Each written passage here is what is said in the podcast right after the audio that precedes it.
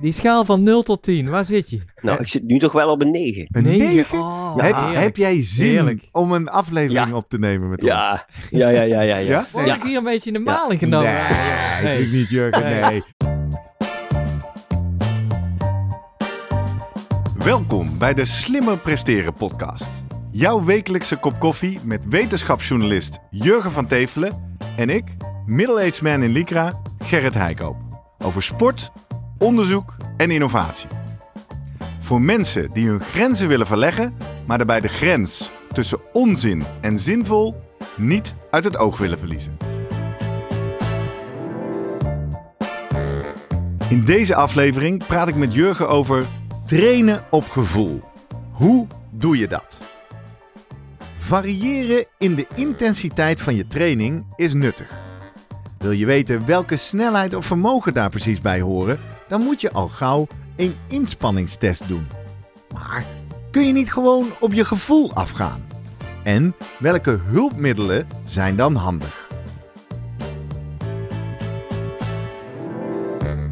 Voordat we beginnen, nog even drie dingen om aan te denken als jij zelf ook slimmer wil presteren. Nummer 1. Druk nu gelijk even op abonneren, zodat je altijd direct in de gaten hebt wanneer er een nieuwe aflevering online komt. Nummer 2. Weet dat je Jurgen en mij ook kunt boeken voor jouw volgende bijeenkomst als spreker of presentator. Neem gerust eens contact met ons op via de contactgegevens hieronder. En 3. Deze podcast wordt geproduceerd en gesponsord door Live Online Events. Serieus goede content rondom jouw congres of event. Check www.loe.tv voor meer info. Jurgen, Hey, goedemorgen. Het is tijd voor een aflevering waar jij al weken naar uit zit te kijken. Zeker. Toch? Ja. Dit is toch wel na drie jaar Slimmer Presteren podcast eigenlijk gewoon de Jurgen van Teven aflevering. Mhm. Lekker? ja, hoe is het met je gevoel? Ja, ik voel me wel lekker. Kijk. Ja, fijn. ik, eh, voel, eh, ik voel denk ik wat, wat spanning. In de Road to Rotterdam. Ja. Komt steeds dichterbij, steeds dichterbij. Nog een week of vijf. Dan moet het gaan gebeuren. Toch hoge ambities staan. En ik zie geen... Nee, je hebt geen vermogensmeter om je schoen. ik zit hier eh, vandaag helemaal eh, datavrij. Clean, nou, ja. dat is niet waar. Ik heb gewoon een sporthorloge om die mij op dit moment mijn hartslag van Ja. eh, 70 slagen per minuut eh, aanduidt. En je kan praten. Ik kan nog eh, praten zonder Kijk. te hijgen. Daar gaan we het ook nog over Ja, hebben. ja, daar gaan we het over hebben. Want ehm, aan het einde van seizoen 6 zaten wij in een wat eclectische, rommelige eindejaarsaflevering Mhm. met elkaar te praten. Jij vanaf eh, ver weg. Ja. Toen liet jij je toch ontvallen dat je ook ambities hebt. Ja. Ja, wat zei je ook weer? Ik zei eh, Marathon Rotterdam 2024. 2024. Ja, Jij eh, pakt een extra, weg. ja, is ver weg. Ja. Ik moet zeggen, dat leverde meteen reacties op van onze vaste luisteraars. Die op Instagram onder andere zeggen: Goh, ik ben wel benieuwd. Hoe gaat Jurgen dan naar Rotterdam toe trainen? Doet hij dat helemaal op gevoel? Ik heb nog geen eh vermogen, stride vermogensmeter achter Nee. ding. Nee, helemaal Nee. niet. Maar ik heb, wel- ik heb wel een sporthorloge, dat klopt. Oh. Ja. En- Of horloge, ik heb gewoon een horloge. Ja. dus we gaan maar eens even dat afpellen. Ja, Hoe kun je eigenlijk trainen op gevoel? Wat is dat? Wat is het verschil? Is het als je een sporthorloge hebt, heb je dan al geen gevoel meer? Eh, waarom is het belangrijk? En wat ik een interessante vraag vind.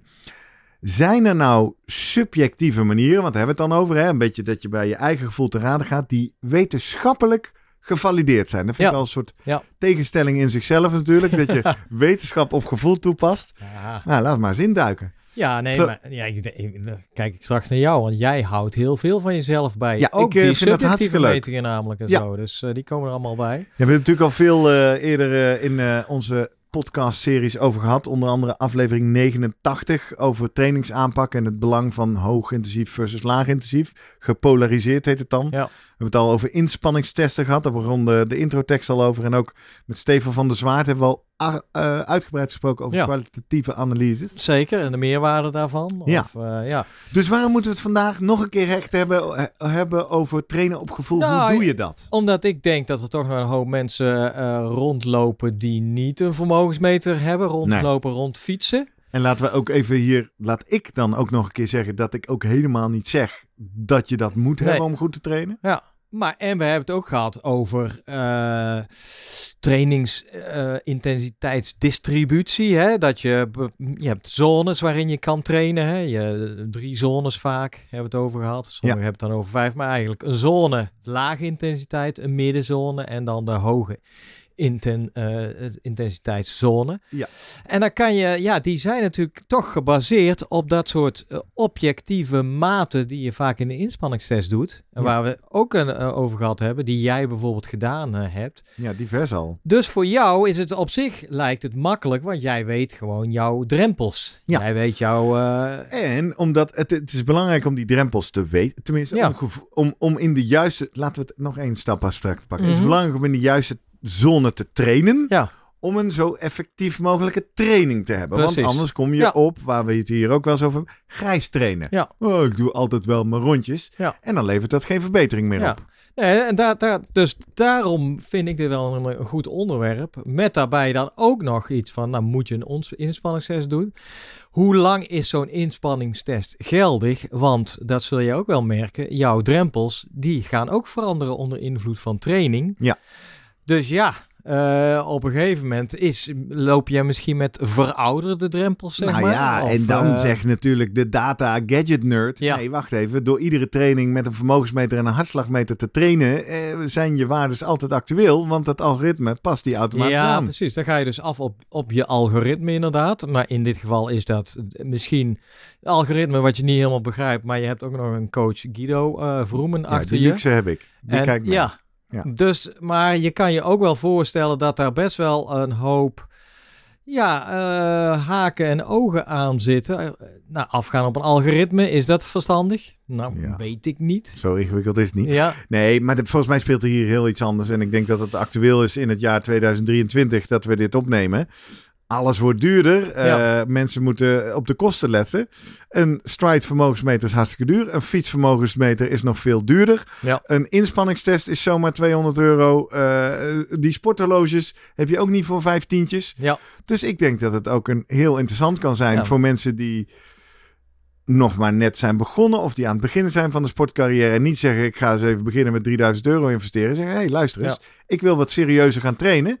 Kan ik dat op gevoel? Ja, plus daarbij dat de, de metingen die jouw horloge doet, die kunnen wel eens eh, spaak gaan lopen, anders lopen dan jouw gevoelsmetingen. Ja. En waar ga je dan op af? Dus Ja. dan kijk ik even naar jou, Gerrit. Ja. Jij eh, had best wel een dipje hè, vorig jaar. Zeker. nou ja, Eh, begin dit jaar hè? Eind Vertel eens, vorig wat, jaar, wat gebeurde er? Je bedoelt gewoon qua, qua mijn data? ja, Nee, ja, ik werd eh, eh, na drie jaar kerngezond de coronacrisis doorgekomen te zijn. In de derde week van december eh, ziek. De grote griepgolf bereikte ook mij. Dat voel je dan al aankomen, hè? want het wordt nee, ik- niet eens in de data. Dat voel je, nou, je ziet het ook in de data. Want dat is niet het sporthorloge, maar dat is het appje. wat was nou eerder? Het gevoel of de data? Wat, want dat is altijd een Hmm, beetje... Dat is een mooie gewetensvraag. Eh, ik denk in mijn geval dat de data het gevoel bevestigen. Ja, ja. Dus, eh, en dan, dan heb ik het eigenlijk niet over het sporthorloge, dan heb ik over de app HRV voor training, via Mhm. training. Waarmee ik iedere ochtend als ik wakker word, twee minuten lang een soort ECG'tje maak door middel van mijn telefooncamera. Waarmee de hartslagvariabiliteit wordt gemeten. En, eh, dat zal je goed doen, een aantal kwalitatieve Ja. vragen worden gesteld. En op basis daarvan zegt die app tegen mij, doe jij het maar eens een beetje rustig aan. Of you're, you're good to go, lekker trainen. Ja. Waar we natuurlijk een aflevering ook over Ja, zeker, eh, zeker. En als jouw dus, dus die data, die HRV-data, is, is vaak net iets sneller. Dus die begint al Mhm. te zakken voordat je je echt ziek voelt. Maar als je dan zegt, oh ja, en dan op donderdag word ik ziek. Als je nu terugkijkt naar die curves, heb ik op een gegeven moment ook wel op Strava gezet. Dan, dan zie, je hem al, zie je hem al van zijn piek naar beneden komen voordat ik echt die Ja, ja. ziekdag heb. Ja. Vervolgens ben ik één dag zo ziek geweest dat ik echt in mijn bed lag. Eh, maar het was, ik had ook van alles te doen. En er was toen die Ameland run. En ik wilde ook niet ziek zijn. En ik was kei fit. Op basis van de data in december. Eh, ik had natuurlijk die rare ambitie om een snelle Rotterdam te willen Ja. lopen. Dus ik was misschien achteraf, weet ik niet. Ik was na één dag mijn bed ook weer uit. Met een beetje hoofdpijn. Een beetje, ah, dat gaat allemaal wel. Uiteindelijk heb ik denk ik wel drie weken lopen kwakkelen. Zowel qua gevoel, Mhm. ik heb geen zin om te trainen, Ja. het trainen voelt zwaar, ik kan mijn vermogens niet leveren. Als ook in die data iedere ochtend, die zeiden, nou vriend, je bent er niet, je bent er niet, je bent er niet. En pas na drie weken schoot die HRV weer terug omhoog. En zei dus ook de data wat overeenkwam met mijn gevoel. Ja. Dus antwoord op je vraag. Ze, ze, ze zeggen in feite hetzelfde. Soms kan de data je eh, helpen om gevoel Dat een beetje iets te duiden. eerder misschien, Ja. precies. Ja, Oh, als je moeite hebt van... Of je wil je gevoel even negeren. Of denk Ja. je, nou is het echt zo. Nee, maar ja, kijk, het is duidelijk. Jij vindt het ook leuk, hè? Om die data, om daarmee bezig te Ja. zijn. En Ja. ja. en nou ja, goed. Niet iedereen heeft dat, denk Nee. ik. En je hoort toch ook wel vaak, ook denk ik, juist van die topsporters, dat het gevoel nog altijd heel belangrijk is. In, eh, omdat niet alles nog te bevatten is in data. Dus ja, hoe heeft de wetenschap daarnaar gekeken? En er blijkt toch best wel heel veel studies gedaan zijn. Misschien ook al juist in het verleden, toen we al deze metingen nog niet hadden of niet wisten waar we mee aan moesten. En dat is bijvoorbeeld een eh, overzichtsartikel, zet ik in de show notes verschenen. Eigenlijk specifiek om te zeggen, kunnen we afgaan op gevoelsmaten om eigenlijk onze intensiteit van inspanning te bepalen. Is ons gevoel in staat Ja. om En- dat te waar en dan nemen ze drie eigenlijk metingen onder de loep. Nou ja, je, waarschijnlijk, je kent ze wel, of in ieder geval de, de eerste, de praattest. Ja. Die hebben ze bekeken. De andere is de We hebben- vier... Stop, stop. Wat is de praattest? De praattest is het feit dat je bij, tijdens inspanning, eh, als je hem netjes uitvoert onder eh, wetenschappelijke omstandigheden, zo is hij gedaan, is hij eigenlijk laat je mensen een inspanning doen. En dan eh, doe je de praattest door ze een, een lab tekst, stukje tekst te laten voorlezen, echt. Mhm. Eh, dat duurt ongeveer een minuut, anderhalve minuut. Dan vraag je ze daarna en eh, ben je in staat om te praten? En als dan, dan heb je eigenlijk drie opties. Ja, volmondig.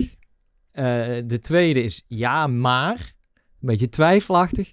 En de derde is een resoluut nee. Oké. En dan, nou ja, en dan is het duidelijk natuurlijk bij... aankomen. Dit zijn de drie inspanningszones. Ja. toch? ja. En nou ja, wat je dan, wat wetenschap gedaan heeft in heel veel studies, is mensen daadwerkelijk op een loopband gezet. Daarbij gekeken naar waar zijn volgens de fysiologie de drempels. Ja. Dus aan de hand van de ademhaling, dus de ventilator, ventilatoire drempels. Ja. Wel of niet gekoppeld aan lactaatmetingen. We hebben het eh, in het verleden over gehad. Maar dat je duidelijk dus het onderscheid kan maken. De eerste drempel, de aerobe drempel of de, de VT1 en dan die tweede. En dat dan gevalideerd om te kijken bij mensen. Ja, goed, geef eens aan van hoe zit dat in jouw praattest.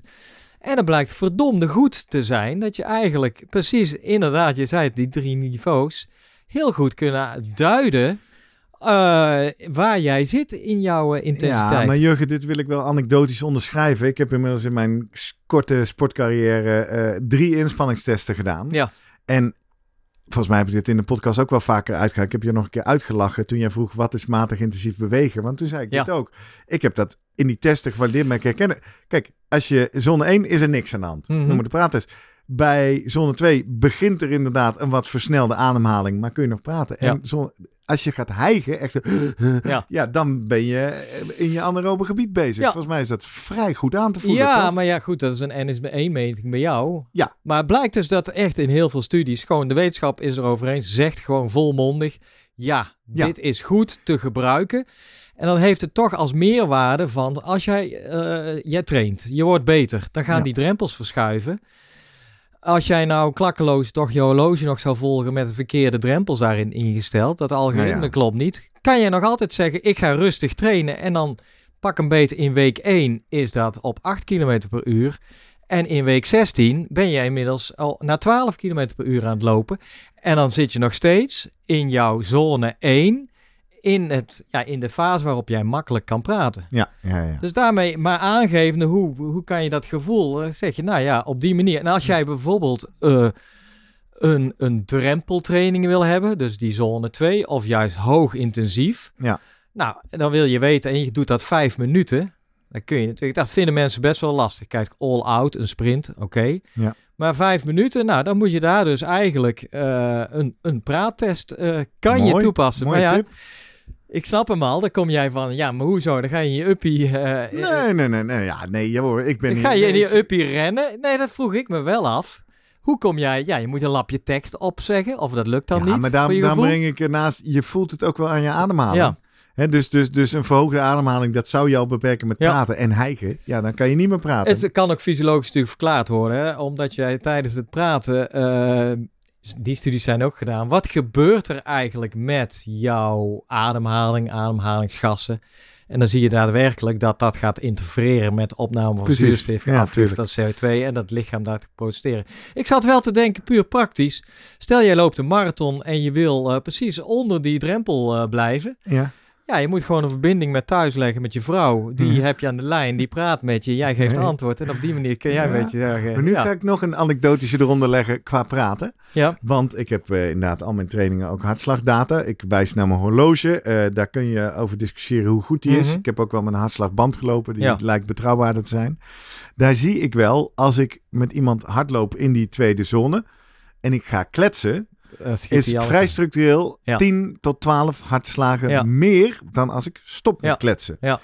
Dus in die zin, het Ja. kletsen zelf Ja. heeft wel ook een inspanningsverhogend effect. Dat ben ik helemaal met je eens. Dus ik gebruik hem dan als, meer als controle. En eh, ja. Mooie, waarschijnlijk als jij dit een paar keer hebt geoefend, dan hoef jij niet daadwerkelijk meer te praten om gewoon te voelen van ben ik nog in staat om te praten. Daar gaat het uiteindelijk en om. dat is iets waar ik meteen aan moet denken. Daar zijn we ook al vaker op teruggekomen, maar misschien de mensen die onze podcast net ontdekken. In aflevering 1 Ja.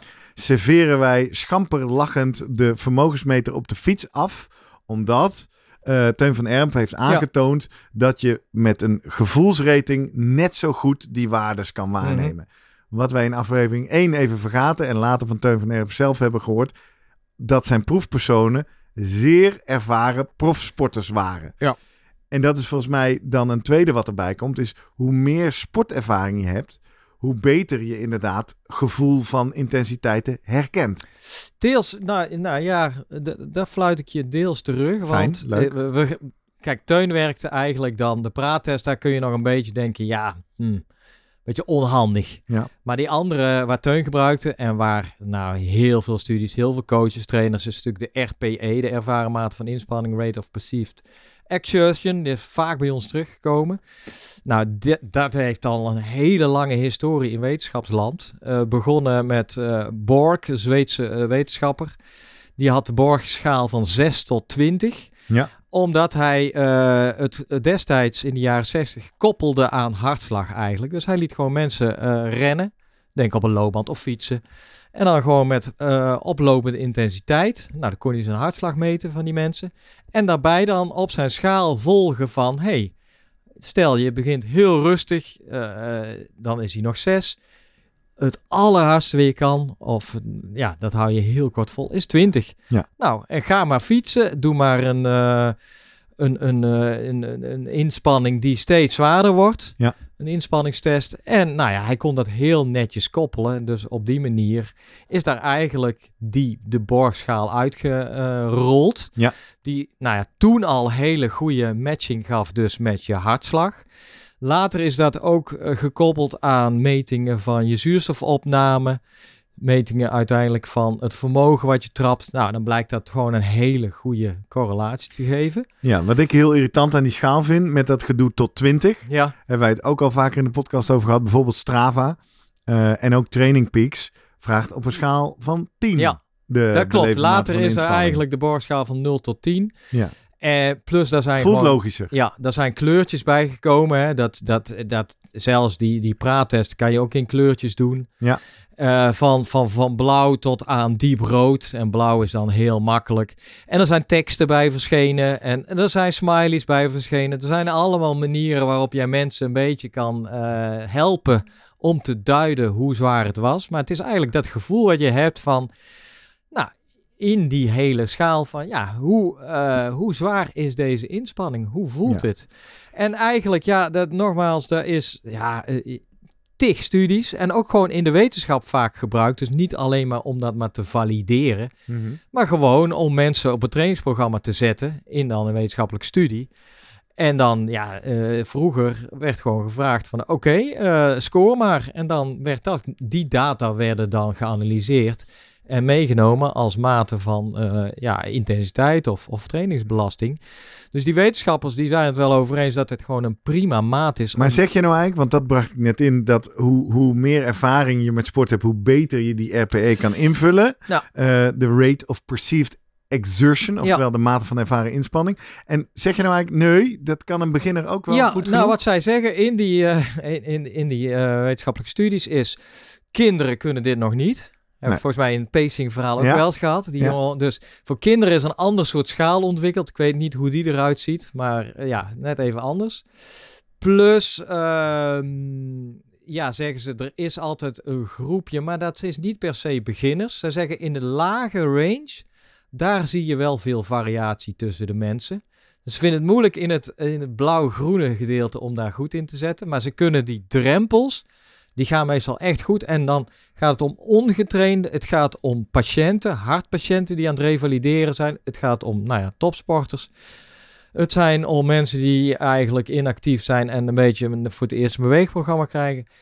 Volgens de wetenschap geeft eigenlijk aan dat dit... Iedereen kan dit. Iedereen kan dit. Iedereen ja. kan dit. Hey, en dan spelen we hier een beetje de karikatuur op de bank. De, Guido is onze dataman. Uh-huh. Nou, die zullen we zo eens even erbij zoomen. En eh, dat cliché bij hem een beetje afpellen. En kijk, want eh, ook Guido kijkt naar kwalitatieve data, heeft hij ook al vaker gezegd. Nou, welke vindt hij dan belangrijk? Ja. De andere karikatuur is Jurgen van Tevelen. Die altijd alles op gevoel moet doen. Waarom, Jurgen? Is dat, eh, want dat, veronderstelt een soort alsof dat superieur is. Ja, nou dat denk ik wel. Eh, ja, ik, Je pakt hem ook maar gewoon. ik alleen, of, maar ook de wetenschap. ehm, ja, er zijn eigenlijk. Die denkt, de, de gegevens tot nu toe zijn eigenlijk. Het is nog zoeken in die, die hooiberg van data, met name. Om te zeggen, nou, welke parameters hebben we dan nodig om echt, nou, los van intensiteit, we hadden het al over die drempels. Nou, moet je lactaat prikken? Kun je met de ademhaling afgaan? Nou ja, da- daar zijn al heel veel discussies over waar liggen die drempels precies. Dan gaat het over acute inspanning. Maar praat je over trainingsbelasting? Jij noemde die studie van Teun van Erp. Daar praat je vaak over de, de sessie RPE, hebben ze dan over, hè? de SRPE. En dan zeggen ze eigenlijk, je kan ook gewoon na afloop van een inspanning scoren van hoe zwaar voelde dat. Nou ja, Strava doet dat bijvoorbeeld ook. Ja. Zijn allemaal van Ja. die programma's. En ze zeggen, nou, de, en dat is bijvoorbeeld vergeleken met andere maten van belasting. En dan, ja goed, dan zijn er verschillende eh, manieren afga- afgaande op je hartslag. Heb je een trimp-achtig, je gaat op, op vermogen, TSS. Er zijn, nou ja, Teun heeft ze toen ook vergeleken. En uit- TSS, Training Stress Score. Ja, Ja. wat is TRIMP? Trimp is, ga je af over de hartslag eigenlijk. Is er Hoe een hard je reactie hart van- heeft ingespannen. Ja, maar dan moet je ook weer aangeven, want het is een combinatie vaak van ook nog de duur van je inspanning. Hè? Want je kan wel op een niveau, pak een beet, eh RPA 3 beginnen aan een, aan een duurloop van anderhalf uur. Ja. Dat zal de eerste kwartier Ja, nog ja, een ja. 3 Dat zijn. laatste kwartier wordt het Ja. veel hoger, ja. Dus vandaar dat ze ook wel zeggen, nou je moet een gemiddelde score ongeveer vinden, maar dan moet je ook wel vermenigvuldigen met het aantal minuten wat je sport. Nou, ja. dat zijn allemaal, dat, eigenlijk weten ze gewoon nog niet goed wat de beste parameter is. Maar eh, los daarvan geeft de wetenschap vaak aan dat dat nog steeds, ja, op de manier van scoren als een RPJ, dan al niet eh vermenigvuldigd met het aantal minuten, eigenlijk gewoon ja, net zo goed werkt om aan te geven hoeveel je de belasting, de interne belasting voor je lichaam is. Want daar gaat het om. Hè? Jouw lichaam moet een bepaalde taak uitvoeren. Nou, die externe belasting, die meet je bijvoorbeeld als je vermogen. Ja, Of het aantal kilometers wat je, wat je eh, rent. Ja. Dat, nou, dat zijn die data. Maar intern, wat, wat gebeurt er precies intern in je lichaam? Daar heb je niet zoveel om aan te, aan te, nou ja, Aan te goed, meten. je hartslag ja die je. zou je kunnen meten op je horloge of op je Ja, hartslagband. maar verder ontbreekt, ja, dan moet je bloed gaan eh samplen, lactaat gaan meten, eh, hormonen kun je gaan meten. Nou, dat, dat gebeurt ook, is ook Ja, gebeurd in nou, en dan komen we studies. op het volgende punt. Eh, en waarom dan? Want, want jij zegt ook bijvoorbeeld Strava, die vraagt ook de beleefde mate van inspanning op een schaaltje van 1 tot 10. Mhm. Een van de dingen, ja, frustreren is een groot woord, maar wat ik wel eens denk, ja, waarom vul ik dit eigenlijk in? Want er is nooit een feedback loop. Toch? In die zin, eh, wat Dat moet zou- ik met nee, deze Strava data? doet dat niet, maar ik hoop, eh, ik denk Guido wel. Of eh, ja, juist omdat. Ja, precies. We hebben wel eens gehoord van Guido gebruikt dat om te kijken als hij mij een zware training opgeeft of ik hem ook echt Ja. zwaar vind. Als ik dat niet rapporteer, dan wordt hij de volgende keer zwaarder. En als ik dat ook rapporteer bij een training die relatief oké zou moeten zijn, gaat die omlaag. Dus En dat is het voordeel van de coach. En dat hoor je heel vaak van coaches die dan toch een, een hele zware training toch maar even een dag opschuiven op een moment van. En, en da- nou, omdat daar volgens mij de problemen kunnen ontstaan. Als jij eh, te strak vasthoudt aan. eh, nou ja, er staat gewoon op het programma: ik moet nu eh, nou, een intervaltraining doen. Ja. Bij die en die vermogens, als jij een fiets hebt of een stride. Ja. En ja, de, eigenlijk blijkt dan dat, en dat, zo, dat weet jij ook. Eh, het lichaam is geen machine. Nee. Eh, dus het is niet als jij de ene week dat programma afwerkt, dat eh, intern eigenlijk jouw, ja, jouw interne fysiologie, al die systemen, dat die een week later precies hetzelfde reageren. Nee. En dat, en, en nou ja, en daar ga je de mist in als jij gewoon denkt van, ah, nou, de- ik kon het een week geleden zo, dan doe ik het een week later precies weer. Ja. Nee, dan gaan hele andere dingen zi- zijn er Nou ja, gaande. dit en ik- dan, herken ik heel erg. Je, je zei aan het begin van de aflevering, je hebt een dip gehad in, in januari, Mhm. december. Dat klopt. En die, eh, mijn trainingen worden inderdaad wel met die stride vermogens gegeven. Die stride, die staat nog op de waardes van begin december. Ja. Dus toen ik in januari een intervaltraining opreed, kreeg ik een, een vermogen op wat dan mijn kritische power zou moeten zijn. Dus wat ik zou moeten kunnen vollopen, wat, wat gewoon Ja. voluit sprinten was. ja, Dus in dit en, maar goed, dat heb ik inderdaad Guido, daar rapporteer ik dat op terug. En dan zeg ik, nou, we kijken het even aan, dan stellen we het bij. Ehm, dus in die zin heel herkenbaar dat je zegt, het algoritme beweegt niet mee Nee. met wat, of te laat of Ja, te traag. En dat in dit geval bewoog het niet mee naar beneden.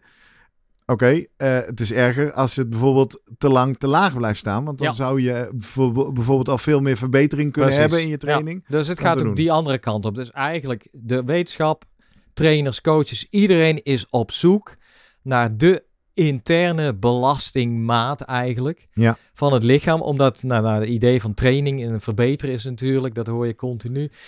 Je dient prikkels aan Ja. en het lichaam moet zich aanpassen aan die prikkels. En dan nou, dat de volgende keer die prikkel makkelijker... eh, En je wil zoveel Opgevangen mogelijk wordt. prikkel geven Ja. zonder dat je kapot Precies. Ja. Want ja, en daar, zit, daar, daar balanceer je in. En ja, vooralsnog, jij noemde het al, een HRV of, eh, nou ja, dat is misschien, een, dat noem ik dan objectieve maat. Want Ja, daar, ja. Maar ja, los daarvan doe jij ook natuurlijk jouw, eh, jouw, me- jouw subjectieve eh, Die zitten daarbij. metingen, die zitten daarbij. Dat geeft al aan van, ja, dat dat toch ook nog meegenomen moet worden, dat je nog niet blind kan afgaan. Nog even En terug ik naar de nou ja. feedback. Hè, als Mhm. ik, eh, voor iemand die niet de luxe heeft om met Ja. iemand als Guido te trainen. Die eh, zit in eh, Strava. Ja. Die vult netjes in. Ik had een RPE van 8 Ja. op een schaal van 10. Ik had er eentje van 3 op een 24. Hoe zou je die data, als je alleen bent, moeten gebruiken om jezelf te evalueren of te hele goeie. verbeteren? Want inderdaad, eh, in dit geval zitten eh, in de studies die ik allemaal noem en die daar lovend zijn over RPI, daar zitten wetenschappers achter, die gaan dat analyseren. Die kijken daarnaar en die en sturen die bij. gaan achteraf inderdaad zeggen vaak van, ah, nu snap ik waarom persoon X in dat trainingsprogramma eh, niet meer zo hard vooruit ging. Want kijk, daar had hij al, gaf hij dat al aan.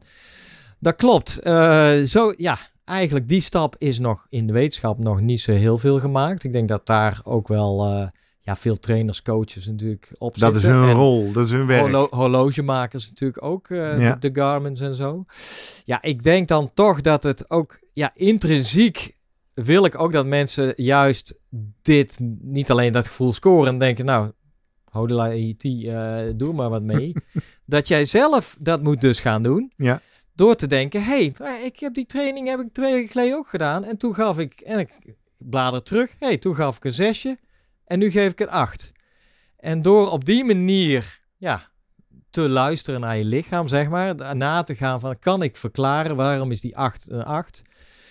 Dat je op die manier meer een gevoel krijgt van, eh, ja, wanneer dat lichaam toch, doordat je misschien net te weinig slaapt, gestrest bent of noem maar op, erachter kan komen, hey, en nu ben ik klaar voor een extra harde prikkel. Of jij zegt, nou, nu moet ik Ik die ben een prikkel... beetje die, oververmoeid. Ja.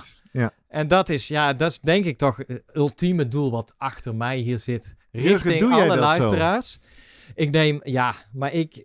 Hey, over twee dagen lopen wij Ja. de, eh, allebei een halve... Tenminste, ik loop een halve marathon in Den Haag. ja, Jij doet mee aan de Driebergenloop. ook een halve marathon, toch? Oh, twaalf. 12 kilometer, mooi, mooie afstand, jongen. rustig opbouwen. nog een jaar, je hebt nog een ja, jaar. Eh, heb jij in het proces daar naartoe zo naar jouw be- beleefde mate van inspanning gekeken? Ehm, dat ik ze daadwerkelijk opschrijf, dat valt soms. Nee, het doe echt. Ik ben nog het gevoel in het hoofd. Vul jij het in in Strava? Eh, soms wel, soms niet. Ja. Ook niet consistent. Ah, ah, nee. Maar dan heb je niks aan, oude wetenschapper. Ja, want als je de data ja, maar- niet verzamelt... Ja, maar goed. Ik onthoud heel veel.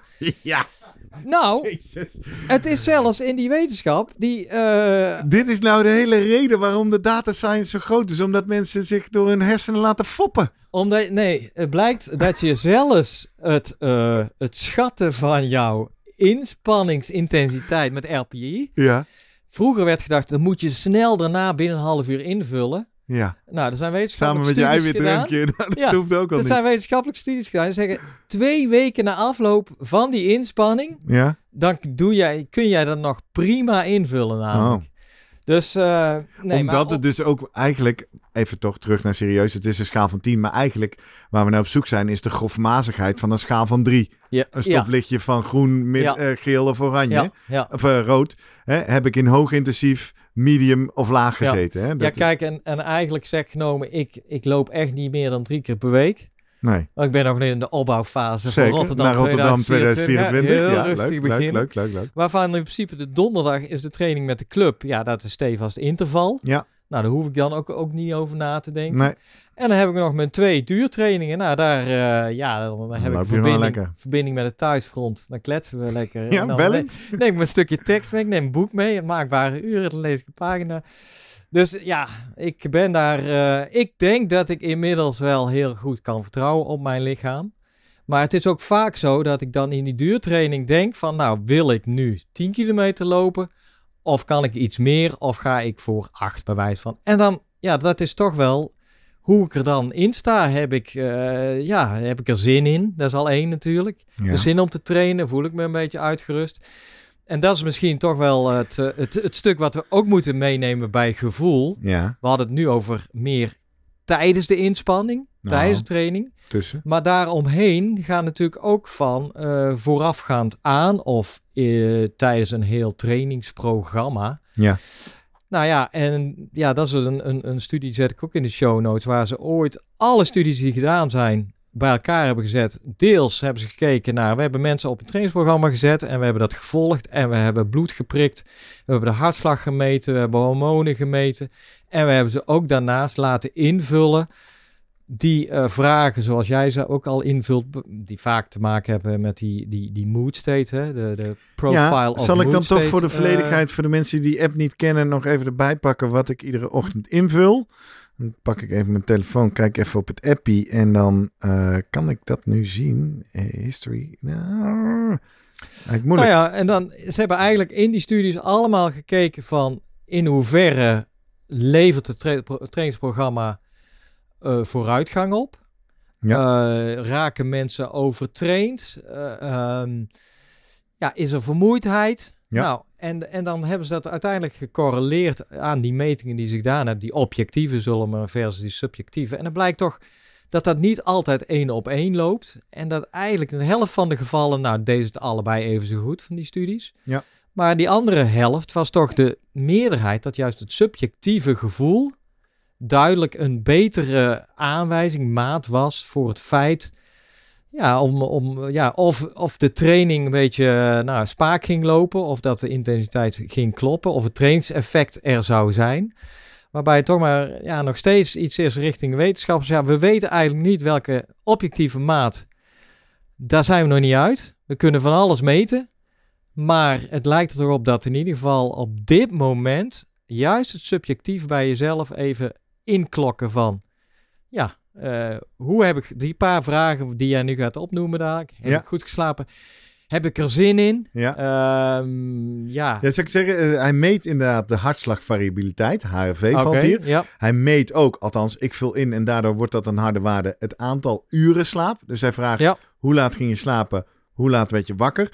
Ik weet dat mensen met horloges slapen die dat automatisch meten. Doe ik niet. Dus ik, ik vul dat met de hand in. Dan vraagt hij inderdaad, en dat, dat zijn allemaal sliders hè, van, van rood naar groen. En ik zie uiteindelijk in de data maakt hij er ook een drieslag van. Ja. Hè, average, above average, under average. Dus hij vraagt, hoe was je slaapkwaliteit? Eh, hoe vermoeid voel jij jezelf op zo'n schaal van heel erg naar Ja. helemaal niet? Hoe is het met de spierpijn? Ja. Eh, gemiddeld hoger of lager. Dan heeft hij een hele vage overall feeling. Oftewel, hè. Hoe, hoe, hoe voel je je eigenlijk? Nou, voel me lekker, voel me niet lekker, voel me slecht. Eh, dan is er een, een, een discrete aan-uit eh, setting. Is, eh, ben je ziek of niet? Mhm. Heb je alcohol gedronken of niet? En ben je geblesseerd of niet? En alcohol heeft hij trouwens een drieslag. Zegt hij niks, een beetje of te veel. Ah, Dat is Ja, ook wel grappig, een ja. grappige. ja. Ehm, en dan heeft hij nog je stemming, inderdaad, op een schaal van 1 Ja. tot 5. En dat is dan die belangrijkste, de motivatie.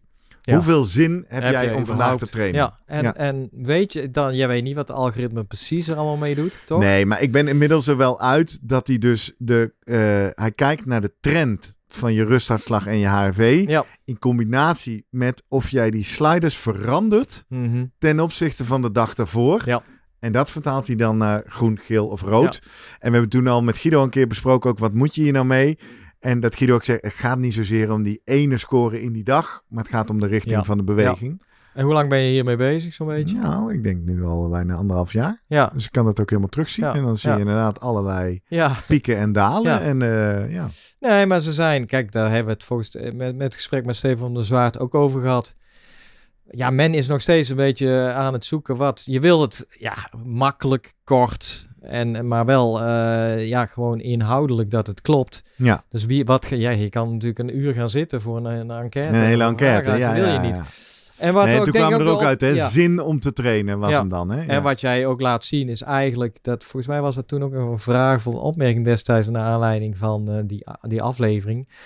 Ja, eh, wij hadden toen, of we hebben het vaak over kwalitatieve data versus kwantitatief. Dit zijn natuurlijk kwalitatieve data, maar uiteindelijk worden ze kwantificeerbaar omdat je ze op een, een schaal Een vaak schaal van 0 invult, tot 5 of, of 3 of 10 of Ja. Nou ja, met zo'n slider. Ja, want dan kan je er lekker mee aan gaan rekenen. En Ja, kan je trends zien en zo. op. Ja, Ik wil toch nog één ding toevoegen voordat we aan Guido gaan Ja. vragen wat hij belangrijk vindt. Want ik denk dat we dat eigenlijk nu al een beetje gecoverd hebben. Maar Ja. laten we hem er ook bij betrekken. Ehm, jij zegt, ik loop dan in het bos en dan voel ik een beetje aan, wordt het vandaag 10, 8 of 12? Mhm. Ehm, zin om te trainen, zin om diep te gaan. Voor mij, maar dat is misschien specifiek aan mij, ik ben vrij extern gedreven. Ja. Als ik helemaal af moet gaan op zin, heb ik best wel snel niet zo'n zin. Ik heb je ook verteld in onze aflevering over intervaltrainingen Ja. dat ik uit mezelf mezelf geen Ja. pijn ging liggen Ja. doen met intervaltrainingen. Dus voor mij zo'n ding op mijn schoen, zo'n 2 euro mond die zegt hallo, loop jij eens naar de 320 watt en de real-time feedback, nee jongen, takkie erbij of soms nou, takkie eraf, Ja. helpt mij denk ik om kwalitatief betere trainingen te leveren en mezelf net iets verder te pushen dan alleen maar heb ik nu zin om vijf minuten hard te gaan en ongeveer zo hard. Mhm. Ik ben meteen met jou eens dat het nuance echt niet zit in die 10 watt meer of minder, tenzij dat net rondom die drempel gaat. Ja. Maar ik wil me aangeven, en zeker bijvoorbeeld ook in een wedstrijd, hè, pacing op die stride, durf ik volgens mij langer, harder, dieper te gaan. Ja. En dus met een sneller eindresultaat dan ik op gevoel ooit zou durven. Ja, maar dat is denk ik, ja, het gevoel is voorzichtig vaak, hè? Ja. en dat heeft natuurlijk te maken met, ja, dan kom je toch weer op die rem, hè? Die rem vanuit die hersenen, die zoiets hebben van, nou jongens, eh, kijk, Poco, we, poco. we mogen niet te diep gaan, want dan gaat het eh, lichaam, eh, misschien gaan we schade krijgen en laten we maar op tijd eh, die rem indrukken. Ja. Dus dat is wel interessant. Die score 20, ja, die haalt denk ik bijna nooit iemand, of de 10. ja, toch? Op de, op de beleefde mate van En dat, dat merk je al, volgens mij, die drempels voor de, die RPE. Volgens mij voor de, ja, van, van midden naar hoog. Zit Ja. daar ergens rond de 14, 15. Ja, 7, Ja, 7,5. Ja. Ja. maar dan heb je dus nog best wel een stukje over om naar de, de max te gaan. Ja. Dus in die zin, ja, dat, daar, heb, daar heb je misschien een punt voor. eh, ja, dat het, het gevoel is gekoppeld Omdat het om het gevoel gaat, is gekoppeld toch aan een, eh, aan een bepaalde rem in, de, in het brein. Ja, En, ja, nou dat wil ik eh, maar zeggen. ja. Hè? Als we nou zeggen over gevoel is superieur aan data, denk ik ja, Maar maar, we om weten diep te gaan ja. helpt die data mij Maar wel. we weten ook dat die remmer best wel afgehaald kan worden, inderdaad, door externe. Motivatie, ja. Ja, en, maar ik, die, die kan extern of intern ook zijn natuurlijk. Beloningen. eh, ja, dus misschien moet je zelf eh, voor jezelf inderdaad een motivatie daarin vinden. Ja, Ja. In, in jouw geval is, kan het een tegenstander zijn of het doel wat, wat voor je ja, ligt. of eh, dus lekkere het tijd. klokje op Of het 320 klokje, houden. Ja, dus dan kun je het op die manier inderdaad eh gebruiken. Ik moet zeggen, Ja. kijk, je, je, je triggert weer iets anders bij me. Je zegt, ja, je vult bijna nooit 9 of 10 in. Ik heb dat inderdaad in januari één keer ingevuld. Ja. En dat was inderdaad in een training waarin ik eh, het niet meer vol kon houden. Ah ja, Dus ik moest inderdaad, eh, wat was het? Ik geloof tempo blokken of, of intervallen, ik weet niet, Ja. maar iets. En best wel vaak. En dan was het januari en ik kwam net uit die griepperiode en er stond nog op de waardes van begin december. En dan was ik vol goede moed. Wat, ik geloof dat het drie keer, drie keer, vijf keer een minuut of zo was. Of zo. Maar in ieder geval dus 15 keer, anderhalf minuut of twee minuten. Echt Ja. wel hard ook toen voor mijn beleving. En toen in die derde serie, ja, ik, ik kon gewoon niet meer. Ja, kon ja- gewoon niet meer. En toen dacht ik, ja, maar dit is tien. ja. Want eh, ik kan gewoon niet meer. En dat is dus een mooi voorbeeld zelfs van... gaan wandelen. Ja, maar dan, dan ga jij dus lopen op jouw vermogen. Ja. Ja. En wat, Maar ja, ik wat- weet alweer hoe het was. Nee, het waren blokken van volgens mij vier of vijf minuten. Ja. En toen kwam die, en ik had me verrekend. Dat was het. Heb ik ook nog wel Ah, Strava gezegd. ja. We hebben mensen ook wel eh, op gereageerd. Zeiden, oh, dat herken ik wel. Dat was het. Ik moest vijf keer vier minuten keihard. Ja. En ergens tussen de tweede en derde had ik me verteld. Ja. Dus toen ik aan de vierde begon, dacht ik dat het al de laatste was. Dus die heb ik al mentaal Ja. als een soort van, nou, vier minuten diep. Dit is de laatste twee kilometer van een wedstrijd. Alles eruit, lopen, lopen, lopen. En toen dacht ik dat ik aan het rusten was. En toen was ik ook echt wel klaar, had ik genoeg getraind. Moest je Toen toch hij, bliep, bliep, Ja, ja. interval vijf. Ja. Ik zei, oh ja. En daar ben ik toen aan begonnen. En na één minuut Nee, echt dat afgebroken. Dat, logisch, ja. kon echt niet. Ja, Ja, maar ja, in dat geval, in dat geval zeg ik, dan moet je op je gevoel afgaan natuurlijk. heb je dus je ook wel gedaan. Je gevoel liet je niet in de steek. Nee. Maar ja, dat is misschien de mismatch. Ja, Als jij gewoon, ja, je, je kan natuurlijk denken, kijk, je hebt heel veel ervaring nu met intervallen. Ja. Dus de vraag is, denk ik dan, als jij vijf minuten eh, hoog intensief moet lopen, ja, eh, begin jij dan meteen al eh, op jouw klokje te kijken en eh, geeft hij dat aan middels een piepje? Of heb je zoiets, nou, ik kijk halverwege eens een keer of ik op mijn Voor de tijd. Of voor de eh, intensiteit. Ja. Nee, ik kijk vrij snel. Om, Ja. ja. want wat er vaak en gebeurt... niet op je, want je gevoel, je hebt ook nog nee, je ik ga te hard weg. Ja, ja. Ik, Oké. ik, als, ik, als, als ik intervallen moet doen, Ja. op een of andere manier denk ik toch altijd Ah, hard. interval hoog intensief. hè? ja. We hebben het ook eh, bij die aflevering over intervaltraining gehad over de vertraging op het hart-longsysteem. Ja. Dus ik denk dan gevoelsmatig hard. Hè? Staat er dan ook altijd ook op dat horloge nu. Ja, Hard. En dan, dan spuit ik eruit. Maar dat is dan vaak veel meer sprint dan wat, wat Guido beoogt. Dus ik, ik kalibreer dan en dan moet ik vaak terug. Ja. Dus als je kijkt naar die spijkjes in vermogen, dan zien mijn interval ook altijd zo piek, zo naar haaientand Ja, en dan wat terug. Ja, ik zou dan bijna zeggen, eh, ga zo, ik zou ze een keer aanraden, niet kijken, pas na afloop. Ja, dan loop ik ze te hard. Weet ik al. Dat weet je nu. Ja, dat, ik heb, ik heb dat je- wel eens laten gebeuren ook. Dat kun je dan ook, eh, ja oké. Nou, ja, ja, Ja, jouw en- hoofd is gewoon anders dan, Dan al, die, al die hoofden in die wetenschappelijke studies eigenlijk. Ja, Nee, ja, maar nee, nee, ik denk niet. Want de nuance is, ik- kan dus voor mijn gevoel op zoek naar de rode zone. Ik moet hard. Maar ik denk de specifieke intervaltraining waar ik nu over Ja. heb, is dat Guido me rond de critical power wil laten ja lopen. maar dat is een En lastige inderdaad, klopt. Maar dan zou het om, om de één minuut eh, of zo gaan, Exact, of de exact. twee Ja, minuten. dus daar ligt de nuance. Kijk, voluit sprinten kan ik wel. goed. Maar eh, dat, dat, die tempo blokken, dat is nog een Dat beetje zijn ook wel hele lastige, dat klopt. Ja, Ja, oké. Mooi. Eh, zullen we de heer Vroemen er eens even bij halen? En dan toch nog even wellicht ten overvloede aan hem vragen. Welke subjectieve metingen van zijn atleten vindt hij nou echt belangrijk? Ja. En gebruikt hij en hoe stuurt hij bij? En we hebben het al een beetje over gehad, maar eh, wellicht heeft hij nog wat leuks aan te vullen. Nou, ik ben benieuwd. Kijk, eh, of die dat eh, voor de ene atleet anders doet dan voor jou bijvoorbeeld. dat is Want interessant. jij bent toch best wel uniek. Krijg ik dat gevoel nu al, Gerrit. Ik Laat het eens vragen aan hem. We gaan zoomen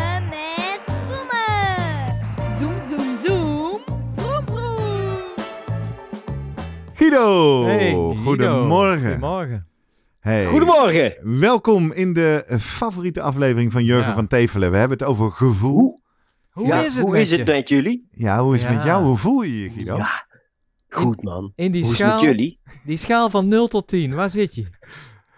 Heb, je, Nou, ik zit nu toch wel op een 9. een negen? Oh, heb, heerlijk. heb jij zin Heerlijk. om een aflevering Ja. op te nemen met ons? Ja, ja, ja, ja, ja.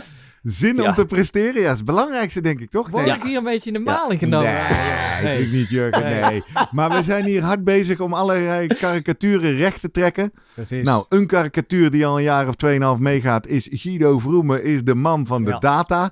Ja, die doet al- niks met gevoel. Nee, Nee. nou hebben we al vaker niks, wel eens... Eh, Ja, die, heeft dat. geen gevoel. Guido die heeft geen gevoel. Zeggen, nou, dat blijkt wel anders. Hij heeft gewoon een 9. Ja, een 9 voor zijn gevoel. Ehm, we hebben al vaker dat wat genuanceerd, eh, Guido. Maar laten we dat in deze aflevering over trainen op gevoel. Hoe doe je dat? Goed zo. Nog eens wat meer doen. Ja. Ehm, in jouw begeleiding van atleten, ik ben er één van. eh, moet ik Ja. jou, of moet ik niet, rapporteer ik jou iedere dag allerlei dingen over, eh, dingen over gevoel. Heb ik net in de aflevering ook eh, Dat- verteld. Dat moet je ook doen eigenlijk. Van Nee, dat haal ik zelf wel terug. Weet ik eigenlijk niet. Nou. Guido, vind je het belangrijk dat ik dat doe? Ja, als je het niet zou doen. Kijk, je zet het erin, want dat heb ik in het begin ook altijd heb ik dat gezegd toen we begonnen. Hè? Weet je, er staat post-activity commands. Dan moet je zeggen van, nou, hoe voelde het nou, die training? Ja, precies. Hè, als dat ik is op de trainingen. Ik, ik heb net voorgelezen aan Jurgen wat ik met de HRV voor Training app aan kwalitatieve data Ja. nog ook toevoeg als ik wakker word. Ja. Ja, en daar kun je ook nog wat opmerkingen bij zetten. Van eh, wat er gebeurd is en hoe je ze opgestaan bent. En pff. Dus, ehm, eh, en daar zet je ook natuurlijk de schuifjes. Met, Ja. met hoe, hoe je je natuurlijk. eh, ehm, of je eh, emotionele energie, eh, noem het allemaal maar op. En nou is onze vraag aan jou, Guido. Waarom vind jij dat als begeleider van serieuze atleten belangrijk en wat doe je ermee? Nou, dat zijn wel van die dingen. Niet iedereen is altijd even happy elke dag. Hè? Niemand. En je hebt allemaal slechte dagen, goede dagen. En, en ehm, nou, daar, daar moet je ook rekening mee houden in je, eh, in je schema, in je planning. En er gebeuren af en toe soms hele eh, mooie dingen en soms ook wel eens hele eh, vervelende dingen. En die kunnen eh, nou ja, heel veel impact hebben, bijvoorbeeld op een bepaalde, op je gemoedstoestand, maar ook op je prestatievermogen. En ook al gebeurt er niks in je spieren, zijn die nog steeds hetzelfde. Ehm, als je een bepaalde zware training op het programma hebt staan, waarbij je van tevoren slecht nieuws hebt gekregen, wat heel veel met je doet, ja, dan kun je denken: fuck it, ik zet dat even opzij en ehm, ik ga gewoon nu die training doen. Maar niet iedereen kan dat op die manier. En ik weet ook niet of dat, zo, of dat juist de manier is die het, wat zo moet. Mhm. Dus nou ja, dan, dan is het wel handig om te weten voor mij van, nou, die training lukte niet of ik heb het anders gedaan, want zus en zo.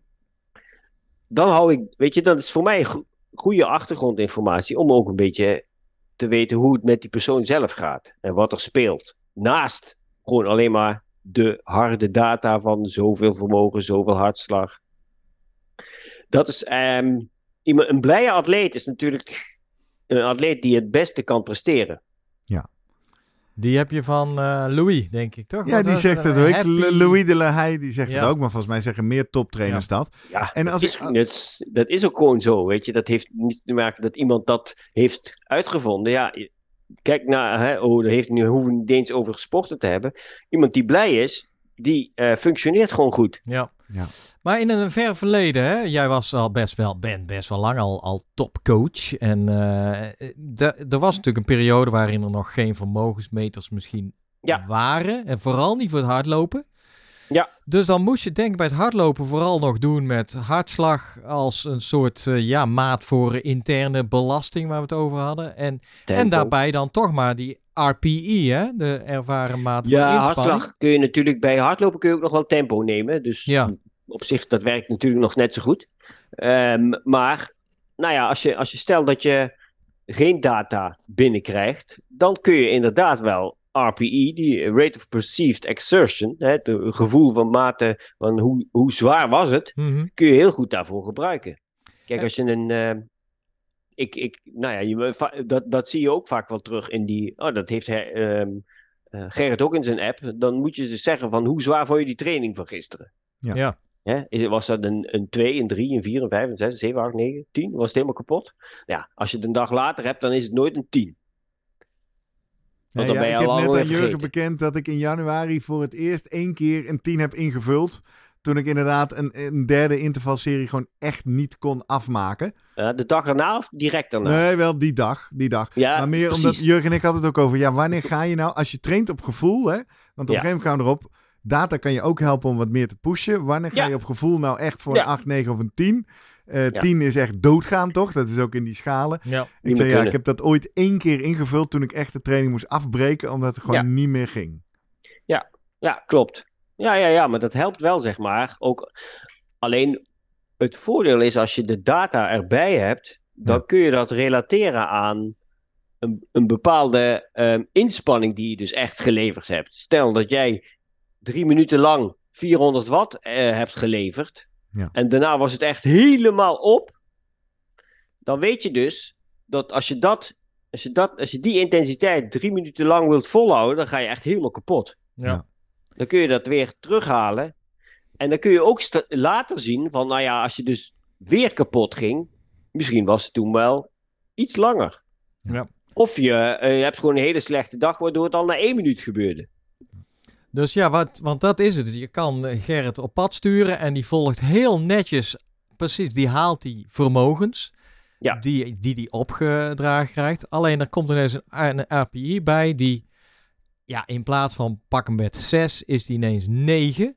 Ja. Dat valt je dan op. En dan Ja, denk je, hey, Klopt, dat is raar. Ja. En dan? Ja. Wat, want dan heeft hij op zich als de motor heeft hetzelfde gedaan. Alleen de Ja. motor heeft het wel verschrikkelijk moeilijk gehad. En die heeft toch Ja, wel... dat, kan eh, dus, dat, dat heeft dus een bepaald. Dan moet je dus kijken wat voor een oorzaak dat Ja. is. Of heeft. Ehm, en dat kan liggen doordat je misschien de dagen ervoor al hard getraind hebt. Waardoor het herstel gewoon slechter is en je dit dus niet meer voor elkaar krijgt. Nou ja, nog net wel voor elkaar krijgt, maar dat het zo zwaar voelt. Dat het eigenlijk niet de, hè, niet de bedoeling was dat het zo zwaar zou voelen als je goed hersteld was. Ja. Of ehm het is, een energieprobleem. Je hebt gewoon slecht gegeten van Ja. tevoren, waardoor je het eh, eh, zo slecht voelt. Ehm, of er spelen nog misschien wel andere sociale stressfactoren die eh, daar dat slechte gevoel geven. Maar nu ga ik nog even doordenken. Denk je dan achteraf niet, shit, dit was niet de bedoeling. Ik had hem liever een training laten doen waarbij een, een RPI van 6 was uitgekomen. Dan dat ik dit nu heb gedaan, want hij heeft dan wel geleverd waar ik om vroeg. Maar ja, Ja. hij heeft zich wel helemaal over de kop eigenlijk eh, gerend. Ja. Ja, maar het voordeel is dat ik zeg maar elke dag die dingen zie. Ja. Kan ik ook zeggen, nou ja, weet je, ik heb nu dit, dit, dit was eigenlijk iets te veel van het goede, wilde ik eigenlijk niet.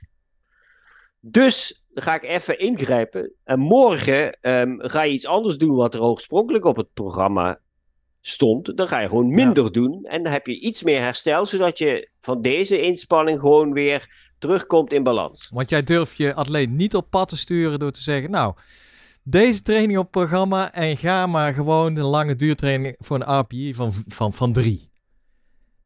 Ja, niet, door- ja ik zeg meestal, nou, weet je, ja, gaan we maar, er gebeurt in die onderkant gebeurt dat. Ja. Want dan is gewoon rustige duur Oké, van maar- anderhalf uur. En daar Ja. staat wel wattage, maar daar kijk Ja. ik eigenlijk niet Gewoon naar. relaxed. Gewoon lekker lopen. rustig Oké, lopen. maar goed, de andere kant op.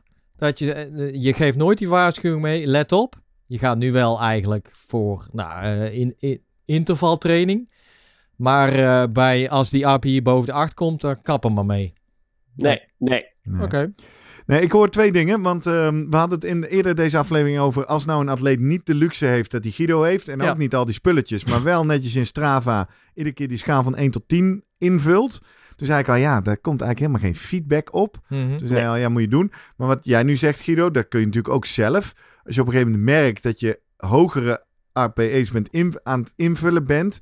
dat je dan Ja. dus durft... of nu leert Ja. uit deze aflevering... let nou op, schema loslaten... Want je bent jezelf aan het overbelasten. Misschien. Ja, dat, als het ja, structureel ja, is, hè? Dat, ja, dat, het is heel lastig voor jezelf Ja. te doen. Ja, nou ja, precies. Maar de, zeggen. de realiteit is natuurlijk dat de meeste van onze luisteraars niet onder begeleiding van een trainer staan. Nee, klopt. Je moet, ja, je moet eh, objectief naar jezelf kunnen kijken. en sommigen die hebben de neiging om te- al gauw te denken: oh, dit is wel te zwaar, ik doe wel eens rustig, rustiger. Hè? Dus die, die, die, die, tre- ja, die gaan eerder aan de rem trekken. En anderen die denken, ja, kut, ik moet nog echt veel meer afzien. Dit is echt nog niks. Ik moet meer afzien dan dit, want ik moet doorgaan. En die gaan gewoon altijd te ver. Ja, heb je ook mensen die, die eigenlijk altijd een API... eh, ja, Zit jij nou te lachen? Heb je het over Ja. jezelf? gewoon Nee, altijd strak hetzelfde invullen. En dat je denkt, nou, dit geloof ik niks van. Dat, zit, dat zijn echt motoren bij wijze van.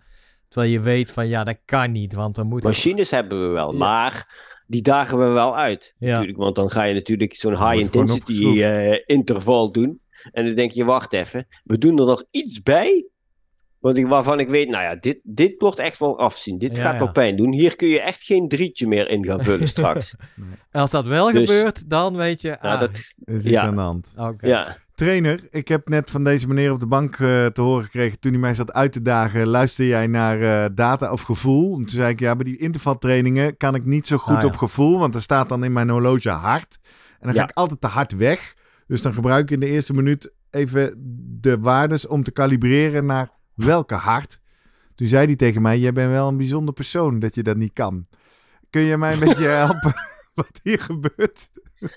Jij Nee, maar bedoel, is dat herkenbaar? Hè? Jurgen heeft uitgelegd, je kan natuurlijk zacht, middel, hard. Kan je heel goed Ja. aanvullen, Ja. eh, aanvoelen. Die drempels kun je goed aanvullen. Ik zeg, ja, maar ik ben in die, in die intervaltrainingen, waar we het een paar weken terug over hadden, wel aan het zoeken naar de juiste wattages. Want ik ga gauw te Ja. hard.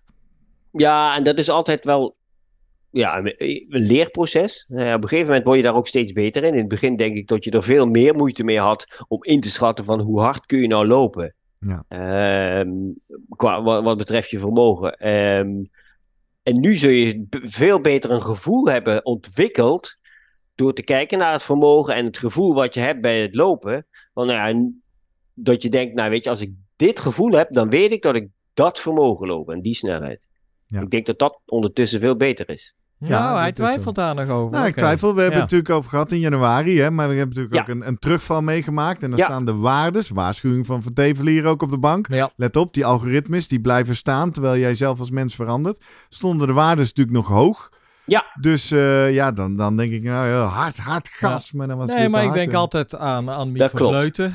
Die, eh die Denk heeft je altijd aan Maar die altijd, heeft ook- ja, ik wil altijd aan Annemiek van Vleuten. En Wacht dan nou het even, verhaal... Guido wil nog iets zeggen over mijn... eh, Ja, ja, ah. ja, maar kijk, Annemiek, die is eh, op gevoel. Neemt, ja, hij denkt veel. ook aan Annemiek, ja. Ja, Nee, nee, wie nee, denkt er niet aan ja, Annemiek? ja. op gevoel trainen. Maar die heeft natuurlijk een heel sterk gevoel ondertussen ontwikkeld. Ja. Doordat ze ook heel veel met de vermogenmeter heeft gereden.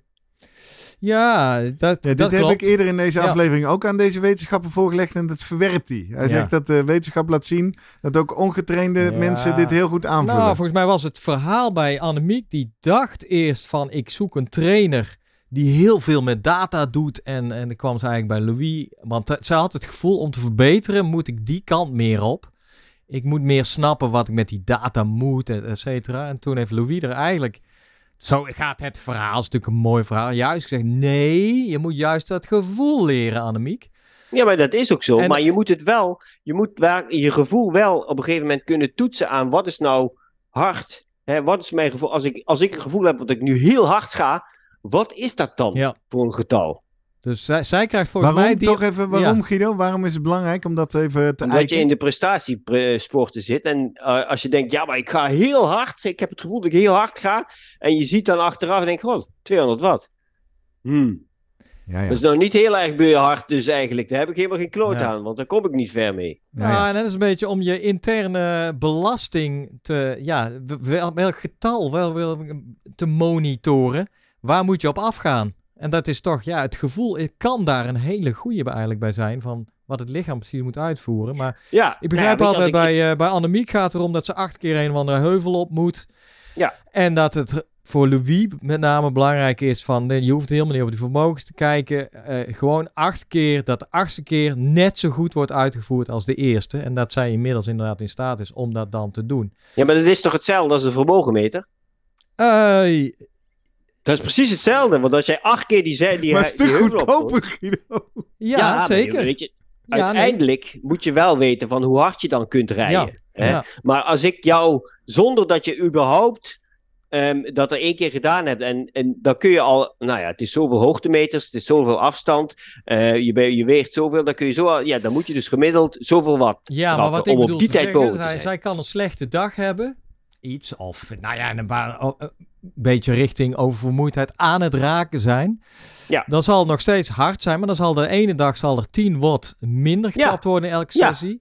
En dat is andersom dan, dan bijvoorbeeld de opdracht die Gerrit krijgt, die altijd moet zijn, dit wattage moet je in Nou, er zit een range uitvoeren. in. Ja. Er Daar zit een zit range, een range in, oké. Ja. En daar heb je ook goede dagen en slechte Ah. dagen. En er zijn mensen die zeggen maar, ja, weet je, als je een slechte dag hebt, dan ga je een beetje aan de onderkant zitten. Ja. Dan, eh, dan kan ik daar helemaal mee Ja, in nou, nou bedoel, ja, eh, Oké, en, ja. en, en dan toch, inkijkje voor de luisteraars. Wat ik het idee had, Guido, toen ik aangaf dat ik wat moeite had om de goede waardes te lopen, dat je de range versmalt hebt, waardoor ik specifiekere Ah. opdrachten kreeg. Dat Ja. was mijn beleving. Of niet? Ja. Toch? Maar dit, weet je, dit, deze ranges, die zijn, nou ja, de- toen je eh, die critical power, die laatste, dat was natuurlijk omdat je heel hard had gelopen. Ja. Dan ging die natuurlijk heel erg omhoog. En die blijven dan ook Blijf drie lang maanden lang hoog. Hij doet Die niet blijven goed drie maanden lang griepje, vind ik. Hij is wel een uniek exemplaar, of niet, eh, Guido? Die, eh, Uiteraard. Ja, ja, koopt, ja. het- Daar heb ik er maar één van. Daar leer je, ja precies, en daar leer jij ook nog heel veel van waarschijnlijk. Ja, ja. Ja, ja, ja. daar maar kan je er niet te veel ja. van hebben. Ik snap hem. Ja. Nee. Nee, dan moet je er inderdaad niet een paar van hebben. Want Nee, dan wordt... eh, precies. Liever iemand die op gevoel eh, een beetje eh, ook nog kan trainen. Nou ja, weet je, iedereen doet het wel op zijn gevoel. Ja. Want dat, daar, daar, wij- daar, daar, daar wijs ik ook wel op. Maar je moet gewoon wel weten van, nou ja, weet je, als ik dit, voor, eh, dit trap, dan weet ik, nou, dat, dat kan ik wel even een tijdje volhouden. En als ik een ander gevoel veel harder ga trappen, denk ik, nou ja, dit kan ik net vijf minuten voor, Ja. volhouden. Maar dan ben ik er ook. Stuk het pacing eh, eigenlijk. Ja, ik wou Het, eh, zeggen, is Jurgen, morgen ook, ja. racen bij Ja. de Driebergenloop. Ja, Met wat oh. voor gevoel ga jij erin? Ik ga heerlijk gevoel. Eh, Wat heerlijk Ja. gevoel. nee joh, ik... De, Hij begint ik natuurlijk dat- eerst met doel. Wat is het doel morgen Mijn doel morgen is, eh, ik heb met jou toen eh, die stadionloop, eh, dat was 10 keer met 50. Dus ik, ja, ik vind 5 minuten per kilometer, be- vind ik Je gewoon, hebt een tempodoel. dat is mijn tempodoel eigenlijk. Ja. En, En is dan- dat voor jou qua gevoel daar dan een een- zeventje, een zesje, Nee, een ik wil, achtje? op, ik wil eindigen inderdaad op een tussen Tien. de 7 en 8, klopt. En Ja. eh, ik wil constant lopen, vind ik belangrijk. En liever een negative split, vind ik ook altijd. Dat geeft mij een heel goed Nou, gevoel. heb je niet genoeg gegeven. Ja, nee, weet ik. oké. Ja, Waarom wil jij een achtje en niet een negen? ja ik, oh, daar heb ik helemaal geen zin in. Dat, omdat het gewoon een voorbereiding... Ik hoef niks Ja. te... Dit is niet mijn hoofddoel. Kijk, na Marathon Rotterdam, Dat doet- daar, ja. ben- daar mag ik met een 9 eindigen, zeker. Ja, Dus dat, dat doet is meer pijn, hè? Eh, Daar komt ie, hè? Ik heb wel wat andere dingen die, die dag nog te doen en zo, hè? Ja, ja. snap je? Dat neem ik Ja, ook nee, ik snap het wel. Maar dan ga ik toch mijn puntje nog een keer drukken. Ik mag zondag de CPC lopen. Ja. Ik heb gewoon keiharde wattagewaarde staan. Ja, Dat dat wordt klopt.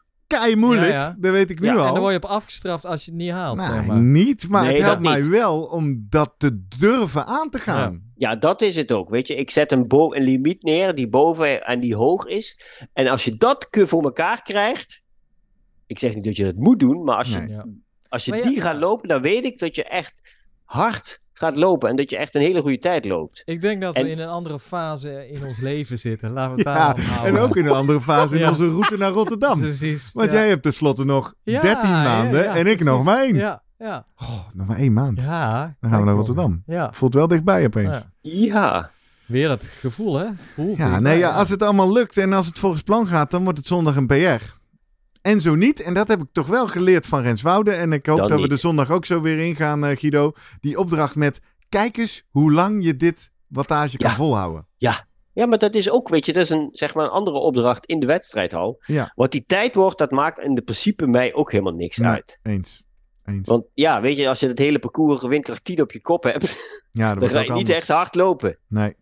Nee, Bovendien, dus- eh, ik heb een half jaar geleden daar in Den Haag al een verschrikkelijk snelle PR neergezet. En Precies, eh, ja. Theoretisch dus- moet ik eronder kunnen, Jij hoeft maar helemaal wie niks, weet. eh Gerrit. Nee. hè? Ga Nee, nee, Maar nee. wel voor tijden die- negentje. Ik ga niet, ik ga niet de hele dag naar Den Haag voor een achtje. Oké. Dan voor klets. Nee, ja, je weet je, je wil die wedstrijd lopen omdat je zelf, nou ja, eigenlijk wil je daar toch wel een beetje tegen jouw eh, tegen jouw grens op die afstand aan gaan zitten. Nou ja, Ja. Die, heb ik neerge- die heb ik daar neergelegd. Ja, precies. Nou, Nou, dan hoop in. ik dat jij voor de negen, eh, dat je die haalt. Ik joh. ga zeker voor 9. En eh, waar dat Ja. schip strandt, dat zien we dan wel. Ja. En eh, we gaan heel veel luisteraars en vrienden van de show ontmoeten op het Malieveld. Ik zou zeggen, drie kwartier voor de start doen we even een fotootje.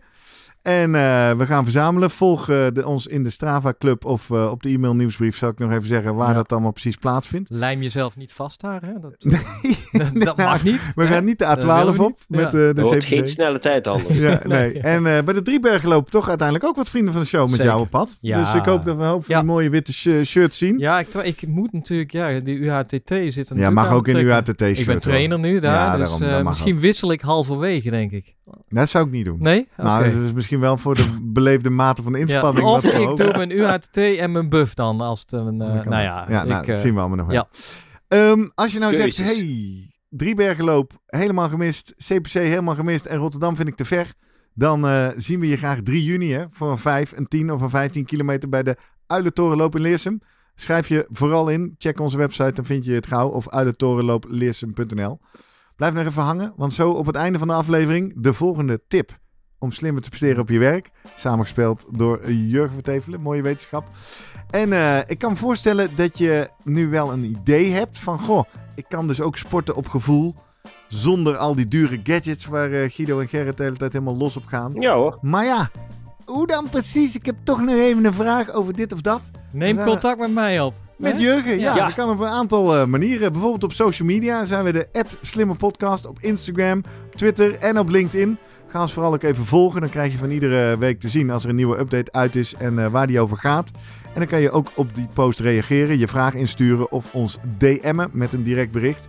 Je kan ook naar onze website www.slimmerpodcast.nl en daar kun je van deze aflevering een link vinden. Die kan je kopiëren, kan je doorsturen naar andere gevoeladepten. Ik hoorde bijvoorbeeld onlangs eh, Mariska van Sprundel, eh, vriendin van de show, auteur van het boek Missie Marathon. Die eh, werd ook gevraagd, eh, train jij met een vermogensmeter? Nee, nee, ik heb niks met die data. Kijk, Doe gewoon tempo en gevoel. goed Maar Mariska. ze werd wel nieuwsgierig. Misschien wel Ja, door ja, ze ze- doet wel tempo. Ja, zij loopt wel tempo. Ja, dat gaat hartstikke goed. Ja. Ook zij Nou is natuurlijk op weg eh, naar Rotterdam. Volgens mij ga je... Nou, ik weet niet, Mariska, of je dit nog hoort. Maar die gaat ook zondag CPC doen, volgens mij. Dus ik zal dan nog eens even polsen of ik. Meestal, laatste jaar, bij, zowel bij de CPC als bij de Zevenheuvelloop... kwamen elkaar tegen op het Mhm. parcours. Ja. Haalde elkaar in. Maar ik sta er altijd Ah, wat achter. Mariska, zet hem op, hè? Ja, kom op? Mariska. Ik zie je graag Goed zo, pak hem aan. Ja, pak ze. Hey, en je kan ons ook mailen via post.slimmerpodcast.nl als je zegt, nou, dat sporten op gevoel vind ik heel leuk, maar dat durf ik niet zo goed in het publieke termijn te laten zien. Jurgen leest mee in de inbox, ik lees mee in de inbox en eh, we reageren altijd. Tot zover. We zijn eh, een lekker stuk onderweg in seizoen 7. Ja. Eh, mooie afleveringen. Blijf ons vooral luisteren. Als je het nog niet gedaan hebt, laat even een review achter op eh, Apple Podcasts of Spotify. Helpt andere mensen weer om deze podcast te ontdekken. En eh, Ja. ik zou zeggen, tot volgende week. Ja, Guido, eh, vergeet het cadeautje niet, hè? Voor je vrouw morgen. En Nee, gefeliciteerd. Ligt klaar. Oké. En eh, blijf eh, goed voelen, hè. ja, Voel me top. heerlijk. Goed. Tot volgende week. Hoi, hoi. Hoi. Hoi.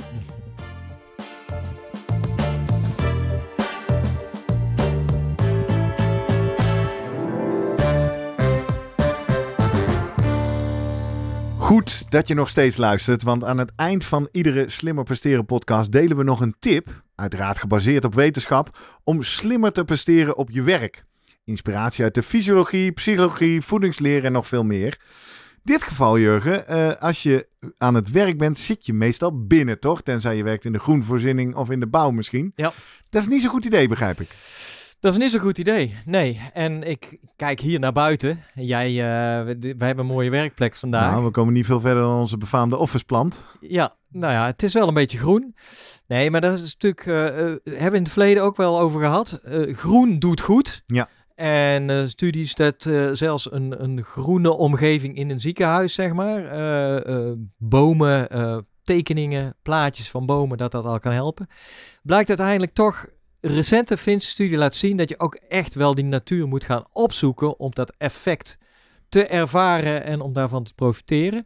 Dus wat zij gekeken hebben, dat is wel interessant, vond ik. Bij 6000 Finnen. Die hebben zij eh, met vragenlijsten gepolst. eh, een beetje enerzijds van hoe vaak ga je de natuur in. Ja. Wandeling in de park bijvoorbeeld. En anderzijds gevraagd naar het medicijngebruik. En als mate van een beetje de gezondheid natuurlijk. En het bleek dat het significant minder medicijnen gebruikt worden tegen hoge bloeddruk, astma en ook eh, depressie. Door de Finnen die drie à vier keer per week echt daadwerkelijk het groen opzoeken.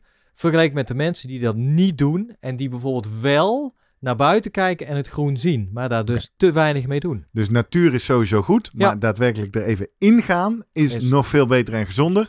Dus eh, die lunchwandeling, als je het niet al deed, dan nu zeker even met de collega's het park of het groen in. Als Precies. je nou echt op een industrieterrein zit waar dat niet zit, dan maar even aan de randen van de dag, toch? Ja. Mooi. Ik ga naar buiten. Ik ook.